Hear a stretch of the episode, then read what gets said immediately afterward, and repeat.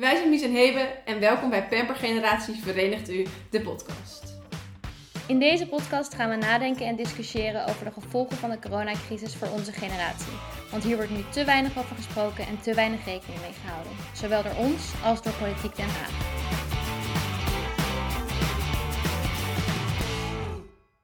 We beginnen de eerste aflevering even met een disclaimer om ons het nodige gezeik te besparen. Want we gaan het dus hebben over de effecten van de maatregelen en we gaan het niet hebben over het virus zelf.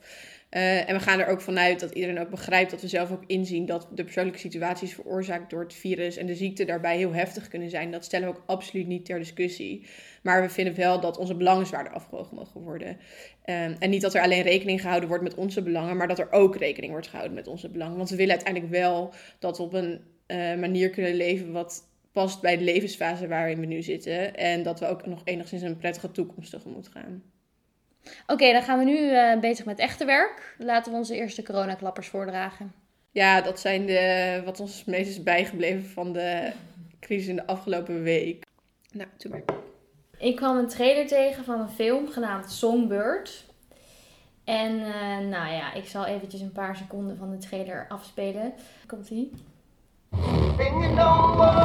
Tensions rise as we enter the 213th week of A lockdown. grim new reality emerges. COVID 23 has mutated.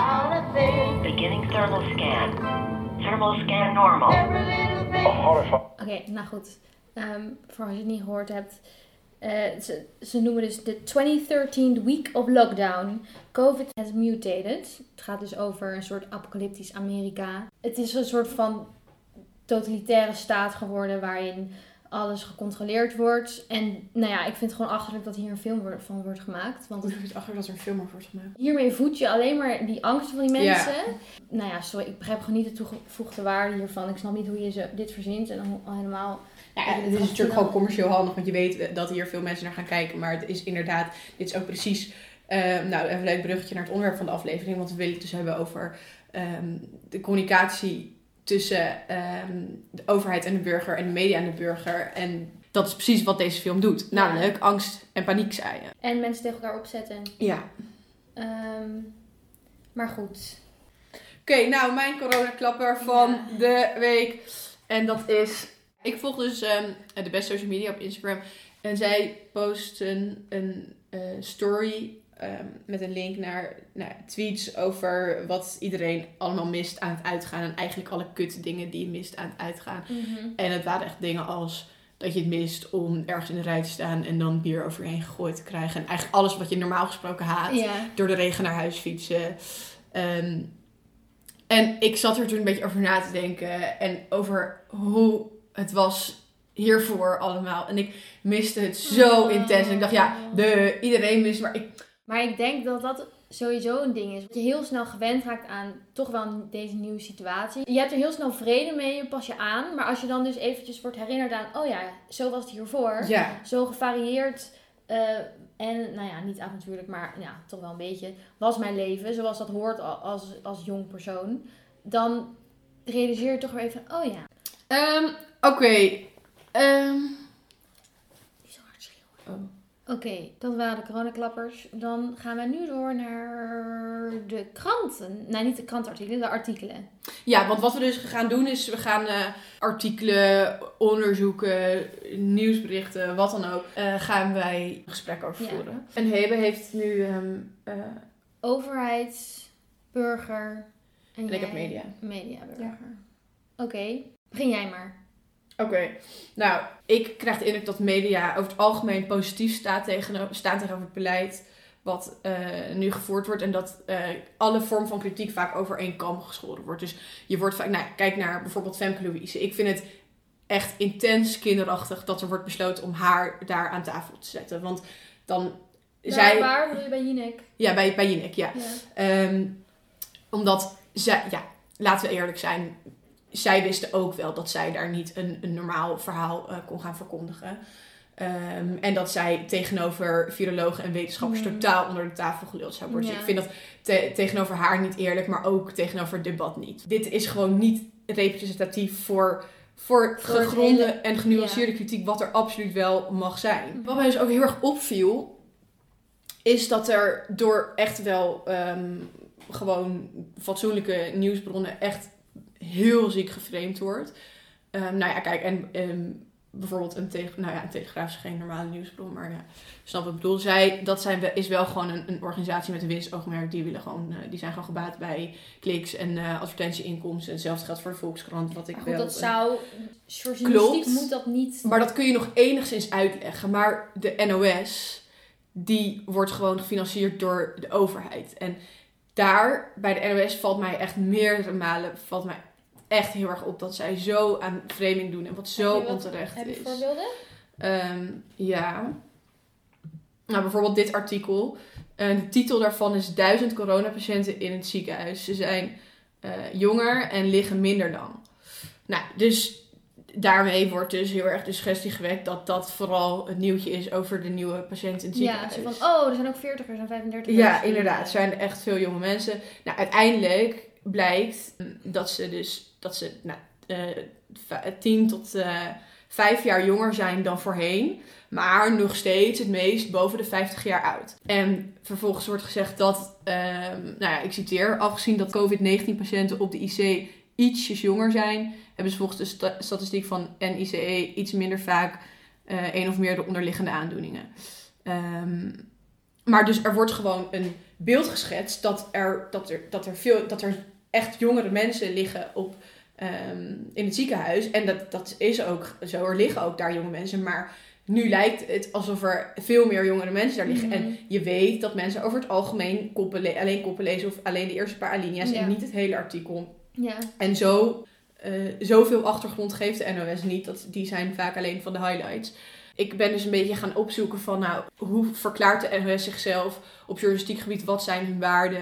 Ehm, en de ehm, ombudsvrouw, nou ja, om, ja, het heet ombudsman, maar ik vind dat raar. Margot Smit, die heeft onderzoek gedaan naar hoe ehm, de NOS eh, sinds nou ja, sinds dat corona er is, eh, daarover eh, verslag heeft gegeven en daarover heeft bericht. En zij zegt zelf dat ze tevreden is, maar dat kritische geluiden meer ruimte hadden kunnen krijgen. En wat ik, waar ik echt wel, wat ik best wel schrikbarend vond, is dat zij zegt, ehm, er is wel gezocht naar tegengeluiden. Zeker in de eerste weken waren die er weinig. Er waren zelfs critici die zeiden, ik bewaar te- tegengeluiden liever voor de evaluatie. Het zou gek zijn als je zelf de alarmbel gaat luiden. Dus je ziet dus dat Huh? ja, dat journalisten dus gewoon wel die tegen, dat, die, dat ze wel die tegenluiden zien, dat dat er is. Huh, maar ik snap het niet. Die, ze zijn op zoek gegaan naar tegengeluiden, maar... Ja. En er waren dus ook, ze hebben ook critici gevonden die die Ja. tegengeluiden eh, wilden geven. Ehm, maar, of die die tegengeluiden hadden. Maar die critici zeiden van ik bewaar dat liever voor, voor de Ja, evaluatie. dus niet de journalisten, maar die critici zelf. Ja, Die de wilden gewoon niet zelf. in gesprek Ja. gaan met de journalisten. Ja, precies. Ja, en ehm, dus dat is enerzijds zijn critici bang om zich te uiten. Bang om te uiten. Hoezo? Ja. Ja, maar, sorry, maar dat vind ik raar. Want ik bedoel, NOS-journalisten en personeel... die worden gewoon aangevallen door mensen. Die moeten nu die stickers van hun auto's af gaan halen. Dus ik, ik weet niet of critici bang zijn voor de NOS. Ik denk eerder dat ze gewoon scheid hebben. En dan maar lekker door kunnen gaan met hun eh, aanval van... eh, ja, jullie zijn alleen maar... eh, jullie zijn een staatsomroep en... Nee, want maar critici hoeven niet, m- niet meteen zo te ja, maar zijn. hoezo zouden zij bang zijn om, om een... Nou ja, dat blijkt dus ook uit ehm, een interview van Volks, dus dat is een onafhankelijk magazine van de Radboud Universiteit Nijmegen, met Ira Helsloot. Hij is ehm, hoogleraar besturen van veiligheid.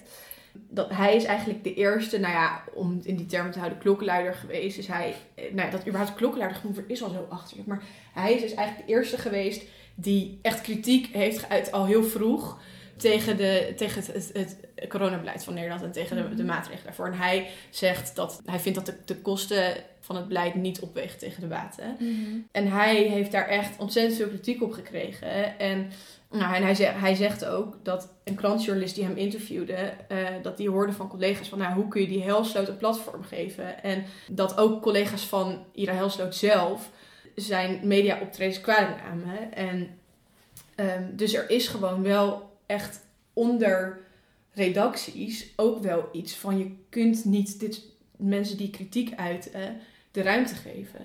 Hmm. En ik vind dat echt heel erg. Want dat je kritiek uit betekent niet meteen dat je overal tegen bent en dat je tegen alles aan wilt trappen, maar wel. Maar Ja. het is super belangrijk om nuance in het debat te brengen. Ja, dat is wel heftig. En, inderdaad. ehm, nou ja, en toch nog wel over framing. Zodat in hetzelfde interview van Volksweb. Met Ira Helsleuk. Nee, dit is dus met eh, hoogleraar infectiepreventie Oh. Andrea Vos. Oh ja. Hij zegt dus dat hij ook best wel moeite heeft met hoe hij is neergezet in de media door NOS notabene. Hij heeft in Nieuwsuur verteld over een studie waarin eh, hij had gevonden dat een kwart van de verpleeghuismedewerkers met klachten eh, COVID geïnfecteerd was. Eh, maar vervolgens heeft NOS gekopt, één op de vier medewerkers van verpleeghuizen in Nijmegen zijn besmet. Maar dit is een totaal andere conclusie. Hmm. En ik snap gewoon niet waar, hoe dit kan. Want hoe kan je nou, als jij als NOS zijnde, iets zo omdraaien?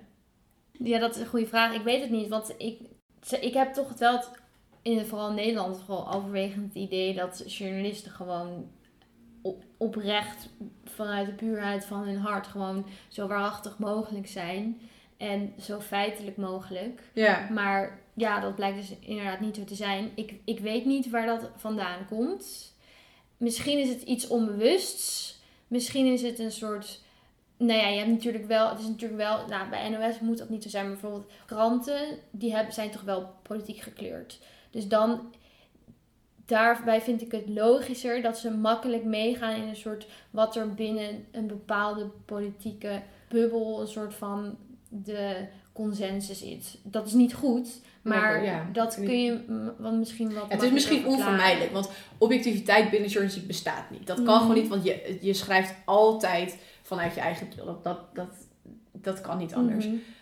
Maar dit heeft daar niets mee te maken. Dit is gewoon Ja, je moet juist toch, als jij journalist bent, moet je daar toch juist waakzaam over zijn. Van Mhm. goh, dat, dat je niet automatisch met z'n allen de neus dezelfde kant op ja klopt. ehm, staat, maar dat je ook juist elkaar en jezelf ehm, kritische vragen blijft stellen en daar met z'n allen over nadenkt. En niet dat je elkaar in een hoekje duwt van goh, eh, hallo, wat ben jij voor gek? Dat jij, ehm, nou ja, zoals een Ira Helsloot, die volgens mij best wel wat zinnigs te zeggen heeft, zomaar uitnodigt. Heel veel is best wel subtiel. Bijvoorbeeld, de Volkskrant kopte in sept- wanneer was dit? In sep- ja, september.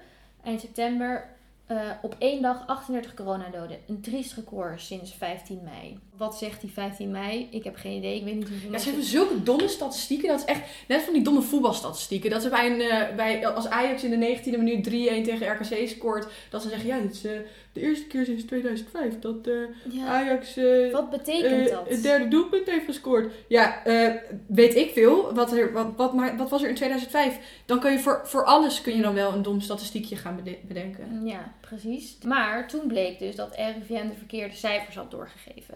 Dat er was iets met een telling in- bij een of andere GGD en die hadden veel te veel doorgegeven. Klopte niet.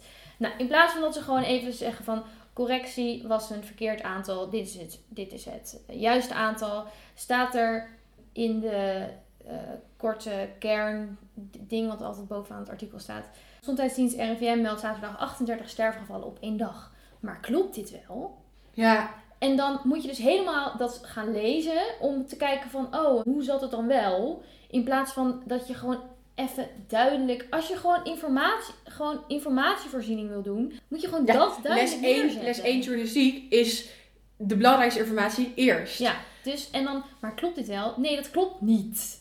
Ja, ik vind dat echt onbegrijpelijk. En je weet gewoon dat heel veel mensen niet de moeite nemen om alles te lezen. Ja, plus zo blijft het toch nog een beetje zo dat, dat, dat schrikding van, oh, 38 doden. Ja, inderdaad. Het, is gewoon, Het, wordt al een beetje sensatie afgezwakt, maar, het, maar niet, ja, Niet dus, genoeg. dus het is duidelijk dat ze wel een soort van, eh, ja, misschien zelfs onbewust voor die journalist. Ja, ik zou echt heel Maar- graag willen weten hoe, hoe dit, waar dit vandaan komt, Ja. wat hierachter zit. En misschien is er, zit er helemaal niet iets achter en is het heel het- onbewust, ja. maar ook maar dan... dat maakt het nog niet minder Nee, problematisch. precies.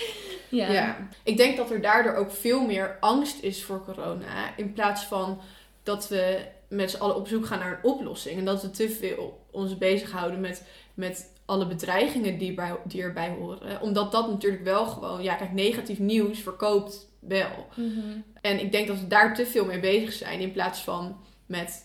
wa- hoe kunnen we nou zorgen dat, we dit, dat dit voor ons allemaal... een beetje draagbaar is. En dat we hier uit kunnen komen. Mhm.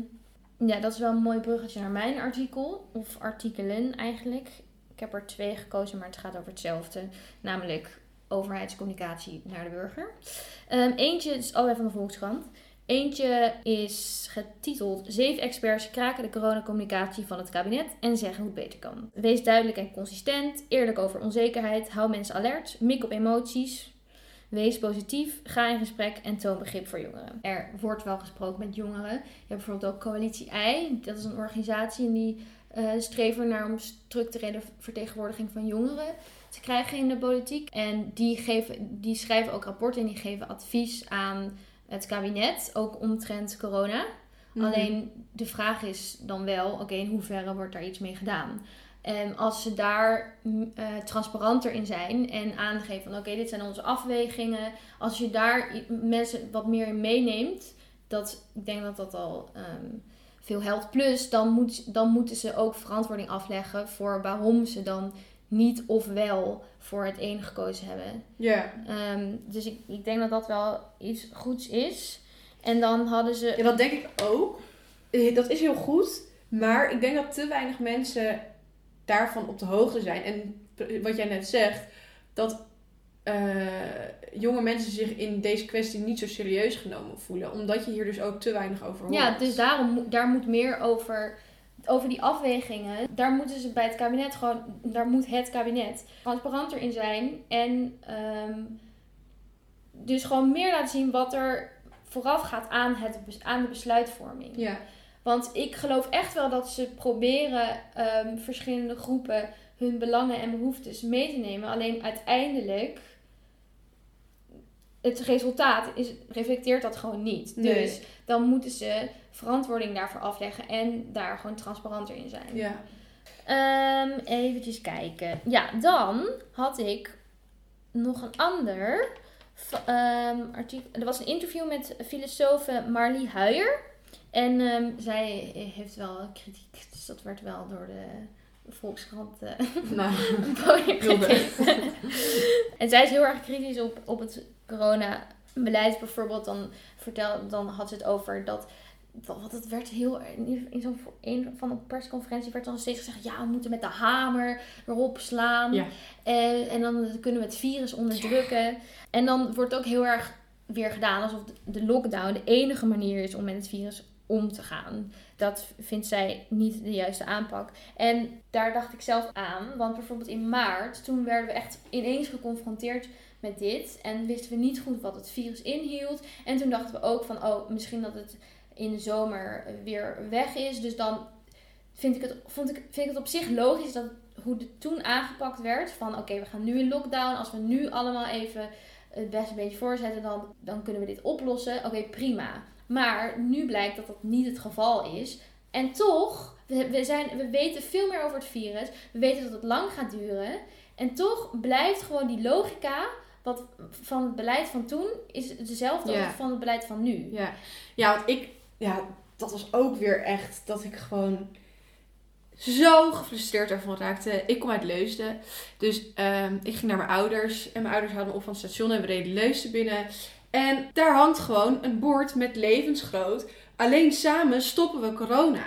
Ja, en dat is gewoon niet zo. Ja, misschien is dat wel zo, maar dat weten we nog helemaal niet. We weten helemaal niet of we dit wel kunnen stoppen. En daarbij, als we dit stoppen, misschien is er over vijf jaar wel weer een virus. Of iets anders wat ons even op deze manier zo omgooit. Dus dit, je, je schept hier ook mee een verwachting. En ik denk dat er daardoor nu ook minder draagvlak is. Omdat mensen ook denken van, ja, maar we gingen dit toch stoppen? Waarom stopt het dan niet? Ja, Ehm, er komt en het wordt, nog steeds, het wordt nog steeds geroepen, maar het einde is helemaal niet in zicht. Dus ik denk helemaal niet dat je het zo moet brengen van we, we gaan dit stoppen. Maar we moeten het ehm, weten te beheersen en weten we mee, moeten, mee om te kunnen we gaan. moeten ermee leren leven. Ja. Zij heeft het dus ook over, want op, op een gegeven moment had, was heel erg, dat is nu al iets minder, maar op een gegeven moment was heel erg dat jongeren echt als een soort van scapegoat werden gebruikt. Jongeren die, die zitten aan te feesten en die zijn allemaal virusdragers en die gaan alle ouderen besmetten. Ja, en zij zegt, de formulering, we moeten de ouderen beschermen tegen de virusverspreidende jongeren, vind ik niet getuigen van gemeenschapszin. Alsof, alsof het belangen zijn die tegenover elkaar staan. Je zou moeten kijken wat ons gezamenlijk belang is. Wat vinden wij met elkaar dat een goed leven is? Maar denk je niet dat dat voor ons heel anders is dan bijvoorbeeld voor iemand van 70? Ja, misschien wel. Alleen ik denk wel dat er een soort. Ik denk dat er een manier is waarop je beide belangen kunt behartigen. En dus dat er, voor, dat, en dat is een kwestie van geven en nemen voor beide. Dus dat, dat allebei de groepen ehm, zich aan, dat er, dat er maatregelen moeten komen die voor een, voor een leeftijdsgroep specifiek geldt. En dat daar ook bepaalde vrijheden, vrijheden bij horen. Ja, dus dat iedereen wat in moet inleveren. Ja, maar daarvoor ook wat ja terugkrijgt. precies. Ja, en dat is wel echt het samen doen. Ja, precies. En Ja. Dus het is, en het is, ik denk niet dat je er naar moet streven om, dezel, om gezamenlijke belangen te zoeken. Want ik denk dat, dat die er weinig zijn. Maar ik denk dat het wel... Dat niet zozeer gezamenlijke belangen, maar meer van willen we eh, dat iedereen zo oud mogelijk wordt, zo gezond mogelijk oud wordt. Oh, in die, in die Ehm, zin, ja. Willen, eh, gaat gezondheid boven alles? Of is economie en welvaart ook belangrijk?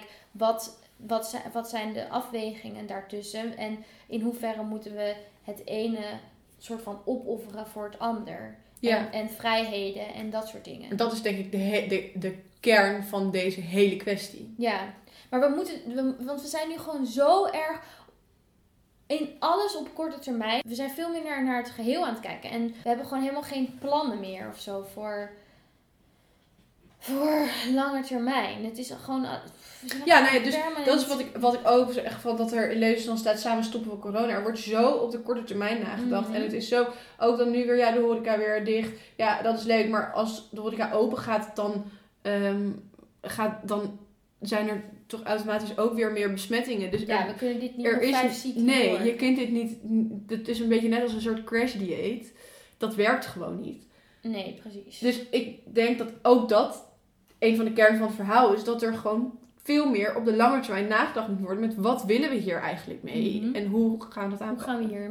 En het is logisch dat je dat niet van tevoren helemaal weet, maar er mag wel Nu meer is over wel de tijd om daar eens over na te gaan Ja. denken. Want het duurt nu allemaal wel heel lang. Ja. Ehm, Oké, er was nog één ding wat zij zei, wat ik ook wel eh, een goede vond. Namelijk dat de regering meer moet uitdragen dat we voor een probleem staan dat niet zomaar op te lossen is. Ook niet met een lockdown, dus eigenlijk wat jij ook zegt. Ja. Ehm, en dat je ook gewoon accepteert, de zorg gaat overbelast raken, er gaan mensen overlijden. En we gaan gewoon een hele grote economische crisis tegemoet. Ja. Want nu is het nog heel erg zo, ook inderdaad met die besmettingen en overbelast, overbelasting van de ziekenhuizen. Dat wordt gedaan alsof, alsof, het, vermij- alsof het vermijdelijk is. Maar Ja. het is gewoon niet. Klopt. Je moet gewoon accepteren dat gaat gebeuren. Ja. Ehm, en niet de illusie wekken dat we er iets kunnen, tegen kunnen doen om dat Te voorkomen. te voorkomen. Kijk, je kunt het tot op zekere hoogte voorkomen, maar... Want het is een gezondheidscrisis. Daar moeten we maar mee dealen. ja. Ehm, plus wat, wat ook, dus, en dit gaat weer over dat we dieper nadenken dan wat er op de oppervlakte ligt. Hoe kun je omgaan met onzekerheid, oncontroleerbaarheid? Want ja, we zijn natuurlijk ook gewend om alles, om in een maakbare wereld te leven waarin alles onder controle is. We zijn niet in staat om de natuur te controleren, zo blijkt maar weer. Nee. In tegenstelling tot wat we de afgelopen honderden jaren zijn gaan geloven.